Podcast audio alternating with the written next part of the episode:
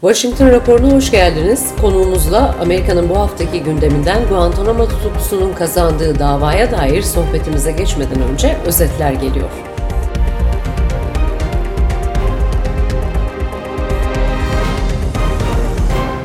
Amerikan Kongresi'ndeki bazı milletvekilleri Türkiye'ye yeni F-16'ların satışının onaylanmasını engellemeye çalışıyor. İlgili bir mektup için destek toplamaya uğraşan girişime kongre üyeleri Papaz, Bilirakis ve Maloney gibi isimler öncülük ediyor. Bu isimler Doğu Akdeniz'le ilgili düzenlemeler ve Ayasofya gibi konularda çalışan Helenik Amerikan Liderlik Konseyi, İsrail desteğiyle öne çıkan Middle East Forum'la Ermeni, Hint ve Kürt örgütlerinin desteğini alıyor. Milletvekilleri Ankara'nın Rus S-400 sistemine sahip olmaya devam etmesi nedeniyle risk taşıdığı iddiasıyla Dışişleri Bakanı Antony Blinken'ı hem yeni F-16'ların satın alınmasına hem de mevcutların iyileştirilmesi için gereken kitlerin satışına karşı çıkmaya çağırıyorlar. Mektup, kongrenin Türkiye'yi F-35 programından çıkarmakta ısrar etmesinin nedenlerine vurgu yapıyor. Ayrıca Türk tarafı Amerikan hukukuna kayıtsızlıkla itham ediliyor. Milletvekilleri ayrıca Türkiye'nin böyle bir savunma programına girmesinin dünyadaki diğer ülkeler nezdinde Washington'ın Amerikan yaptırım yasasının uygulanmasında ne kadar kararlı olduğuna dair şüphe uyandıracağını iddia ediyorlar. Bu mektuptan farklı olarak 89 milletvekili Başkan Biden'a yazdığı mektupta Amerika'nın 2023 Mali Savunma Bakanlığı bütçesinde F-35'lere yatırım yapmaya devam etmesi gerektiğini söyledi. Bu gruba ise kongreden Beasley ve Turner öncülük etmekte.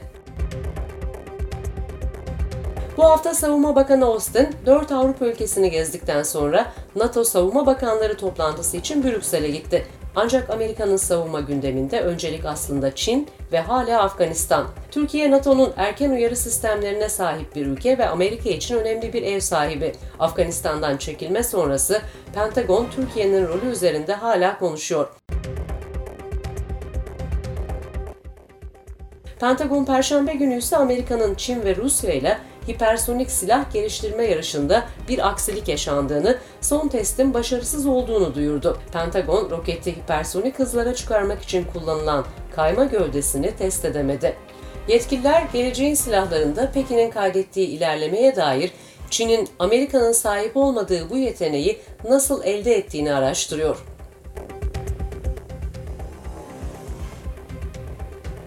Amerika'da federal bir yargıç eski bir Afgan militanın Guantanamo'da yasa dışı bir şekilde tutulduğu yönünde karar verdi. Esadullah Harun Gül'ün avukatları 10 yıldır ilk kez bir tutuklunun Amerikan hükümetine karşı böyle bir davayı kazandığını söyledi. Yargıç bu hafta Gül davasında nihai karara yönelik iki gizli görüş verdi. Bunlardan biri Gül'ün El-Kaide'nin bir parçası olmadığını tespit ederken Guantanamo tutsaklarına itiraz hakkı tanıyan özel bir yasa olan habeas corpus için dilekçesi kabul edildi. Kanıtlar gizli olduğu için yargıcın neye göre kabul ettiğini tartışmak veya yorumlamak imkansız. Amerikan Temsilciler Meclisi 6 Ocak mahkeme davetiyesine uymayı reddettiği için eski başkan Trump'ın danışmanı Steve Bannon'ın yargılanması yönünde oy kullandı.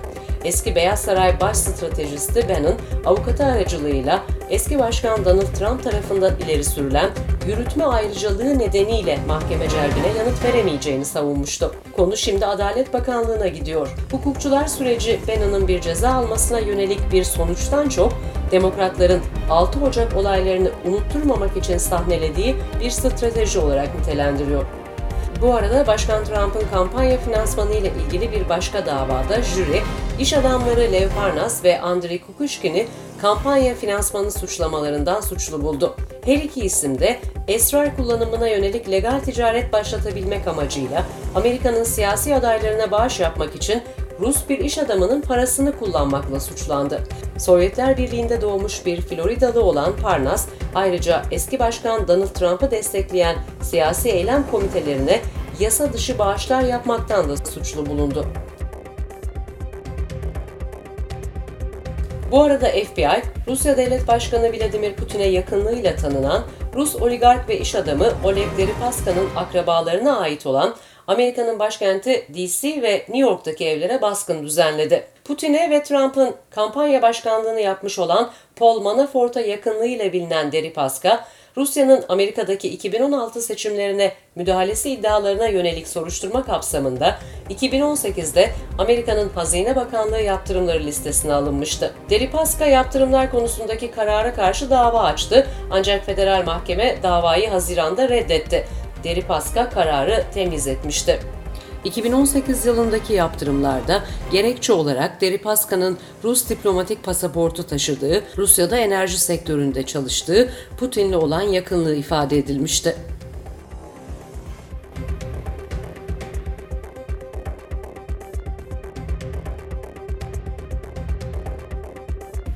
İsrail hükümetinin 6 Filistinli insan hakları grubunu terörist kurumlar olarak nitelendirmesine ilişkin Amerikan Dışişleri önceden bilgilendirilmediklerini ve karara ilişkin açıklama istediklerini duyurdu. Amerika'da helal endüstrisi ve helal şirketleri büyümelerini katlanarak sürdürüyor. DC'de gerçekleştirilen yıllık helal fuarına bu yıl ilgi büyük oldu büyüyen pazara pratik çözümler bulmak isteyen girişimciler fuarda bir araya geldi.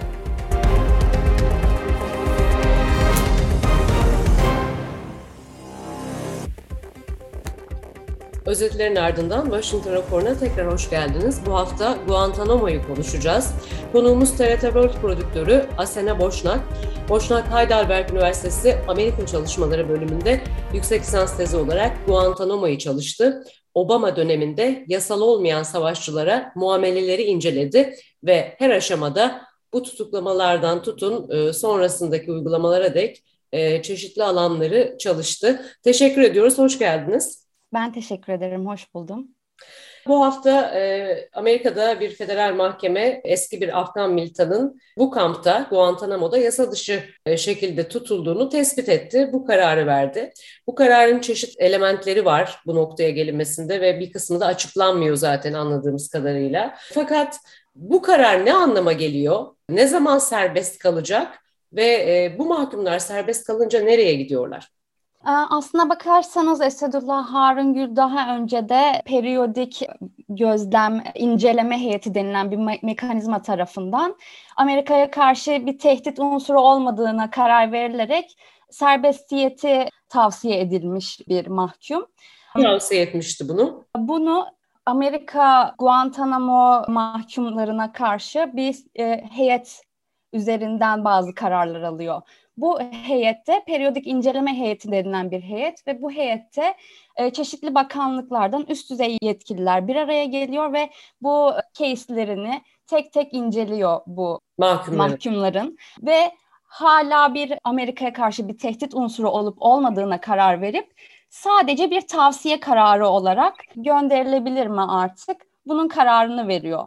Ama bunun sonrasında kesinlikle bu bir emir yerine geçmiyor. Sadece bir tavsiye kararı veriliyor. Yani daha önce de zaten bu kişinin bir tehdit oluşturmadığı beyan edilerek zaten bu tavsiye verilmiş durumda. Fakat son gelişmeye geldiğimiz zaman bu federal bir yargıç habeas corpus kapsamında bu kişinin hukuksuz olarak tutulduğuna karar verdi. Bu ne demek oluyor? Aslında habeas corpus hükümete kısaca şunu diyor. Ya bu mahkumu bir mahkemeye çıkar ve buna karşılık bir suçlama getir. Eğer buna yap- yapamıyorsan da bu kişiyi serbest bırak anlamına geliyor. Yani buna baktığımız zaman bu karar aslında önemli bir karar diyebiliriz. Çünkü daha önce 10 sene önce sanıyorum başka biri için böyle bir karar çıkmıştı. O da Moritanyalı bir mahkum adına çıkmıştı. Fakat bu aynı zamanda sevindirici yani o mahkum için sevindirici bir haber olsa bile bu kesinlikle e, serbest bırakılacağı anlamına gelmiyor. Çünkü serbest bırakılma kararı alındıktan sonra bile mahkumların belli proseslerden geçmesi gerekiyor. Bu proseste şu şekilde Amerika hükümeti bu kişilerin serbest bırakıldıktan sonra gönderileceği ülkelerin de önemli olduğunu ve bazı kriterleri yerine getirmeleri gerektiğini söylüyor. Aslında bu kriterleri de kendileri belirliyorlar. Bu kriterlerden bazıları gittiği ülkelerde can güvenliği olacak mı? Mesela böyle bir kriter var. Bunun dışında tekrar terörizme dönme ihtimali var mı? Bunu araştırıyor. Bundan emin olmak istiyor. ve bu aynı zamanda rehabilitasyon gerektiğini düşündüğü kişilerin de bu tarz bir rehabilitasyonu bu gittiği ülkede alıp alamayacağını karar verdikten ve emin olduktan sonra ancak bu insanları e, serbest bırakıyor. Bu da tabii ki önceki benzer durumlarda yani bu periyodik inceleme heyeti tarafından karar verilen durumlarda görüldüğü gibi 10 seneye kadar bir süre alabiliyor. Yani kesinlikle birinin hakkında bu kararın çıkması yakın zamanda serbest bırakılacağı anlamına gelmiyor. Cenevre Anlaşması açısından Guantanamo'ya dair Amerika'nın bir tezi vardı. Bu literatürde nasıl bir yer buldu? İkincisi de bu habeas corpus denilen yasa hangi hukukun bir unsuru ve bu mahkumlar buna başvurabiliyorlar mı? Çünkü Amerikan topraklarında olmayan bir kamp zaten bir özelliği de bu şekilde kurulmuş olması. Kendileri mahkumken bununla ilgili dilekçeleri yazabilme hakları var mı? Hepsi avukatla iletişim haline girebilip bu haktan yararlanmak isteyebiliyor mu? Ee, şöyle şu şekilde başlayayım ilk önce. Zaten 11 Eylül saldırılarından sonra bu hükümeti yakaladıkları terörist şüphelerini terörizmle savaş kampanyası adı altında istedikleri kadar tutabileceklerini iddia ettiler. Yani bu kişilerin aslında savaş suçluları bile kapsamına girmediğini, bunun yerine unlawful combatant, combatant diye adlandırılan yani yasa dışı savaşçılar adı altında bir kategoriye girdiklerini bu sebeple de Cenevre Anlaşması'nın bu kişileri kapsamadığını iddia etti. Yani bu aynı zamanda due process adı olarak adlandırılan temel yargı süreçlerinin bu kişiler için işlemediğini ve temel hakların bu kişilere işlemediğini kısacası ve verilmesi verilmek zorunda olmadığını iddia etti. Ee, aslına bakarsanız zaten bu suçluların daha doğrusu şüphelilerin diyeyim Küba'da yani Amerika Birleşik Devletleri toprak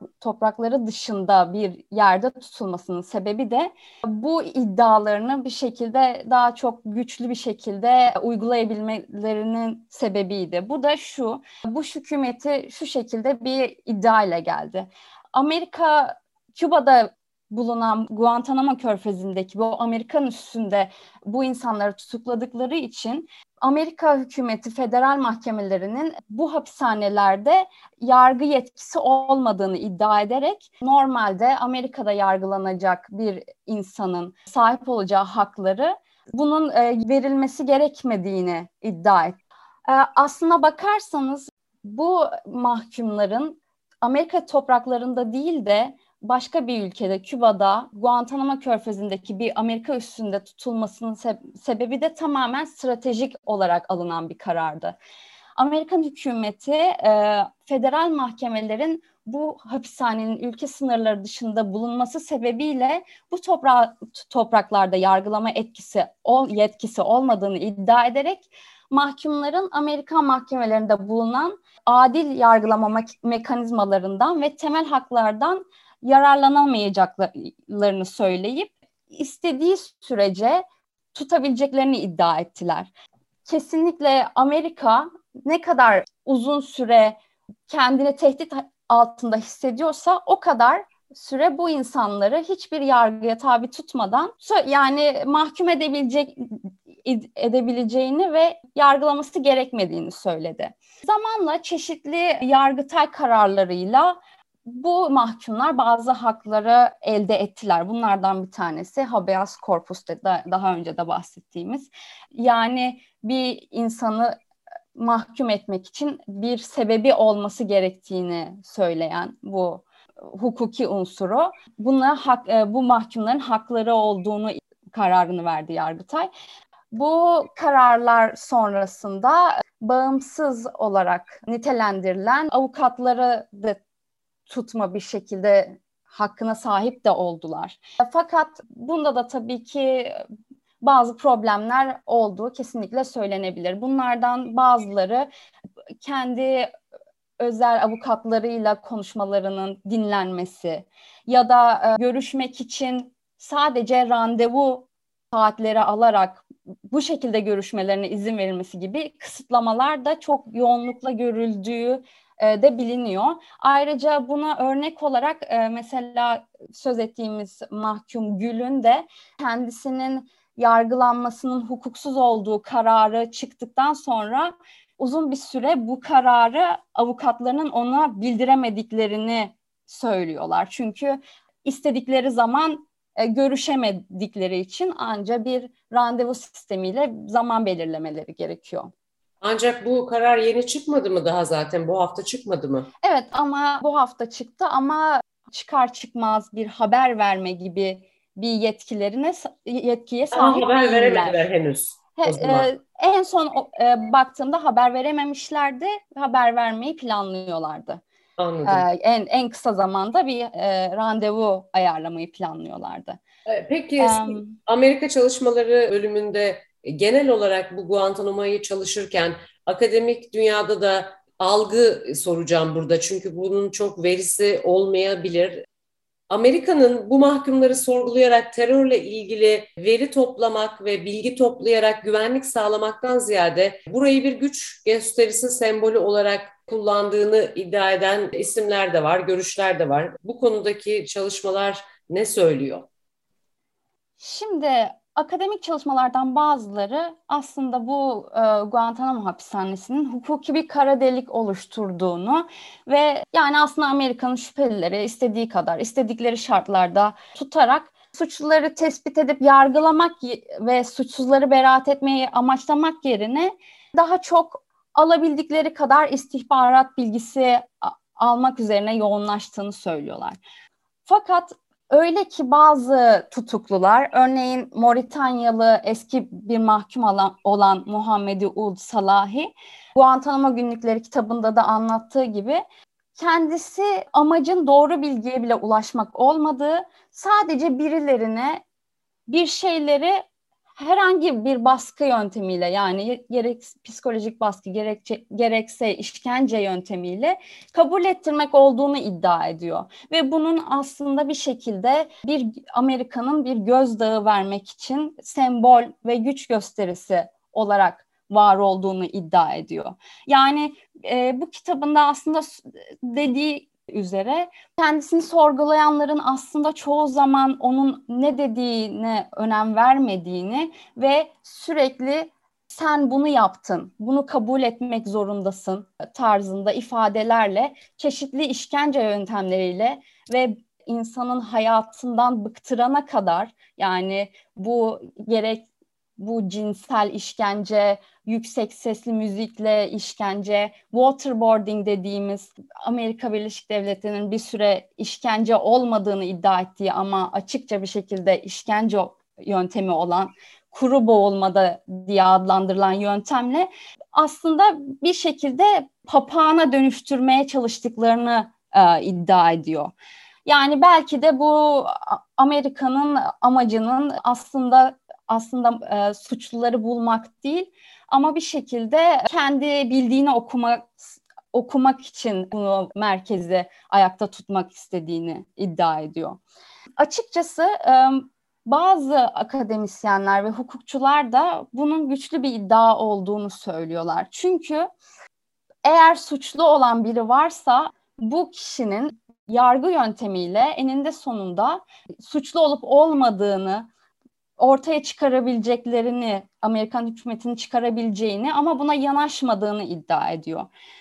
Bunun yöntemlerinden bir tanesi de Amerika'nın ulusal güvenliğine zarar getireceğini düşündüğü bazı delilleri hemen üstünü kapaması ve bunun e, mahkumların kendini savunması için kullanması gereken bu delilleri bir şekilde kullanmasını imkan vermemesi. Zaten bu yüzden senelerce bu mahkemeler, yargılama süreci sürüyor. Çünkü en ufak bir durum olduğu zaman Amerika bunun milli güvenliğe zarar verecek bir unsur olduğunu söylüyor.